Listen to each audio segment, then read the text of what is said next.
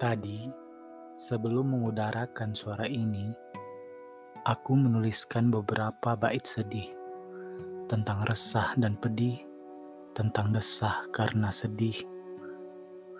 Sekiranya berbunyi seperti ini.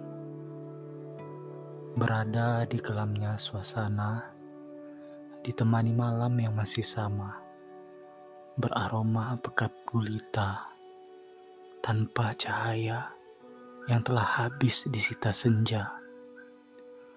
Raga yang terus diterpa angin, tak mampu menembus segala ingin. Hanya terhunus sejuk dan dingin, tanpa rasa hangat yang terjalin. Jauh, engkau jauh dari genggaman.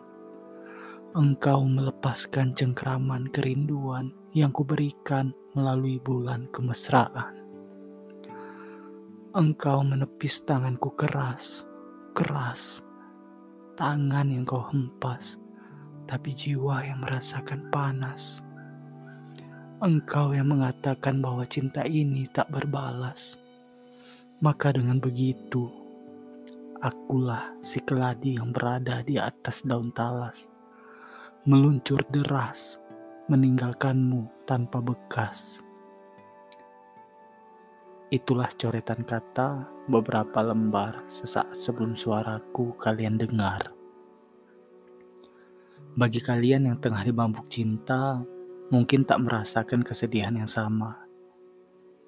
Bagi kalian mungkin itu bait-bait biasa, ya bait-bait sederhana. Tapi percayalah, ketika nanti kalian mengalami hal yang sama, maka pasti akan merasakan juga jika sudah merasa, kembalilah lagi ke sini, ke podcast kombinasi hati, untuk mendengarkan kembali syair-syair sedih yang kini mungkin kalian belum peduli. Bukan bermaksud mendoakan kalian agar patah hati, hanya saja hati itu menyimpan banyak misteri yang bisa berubah drastis dalam waktu hanya satu hari.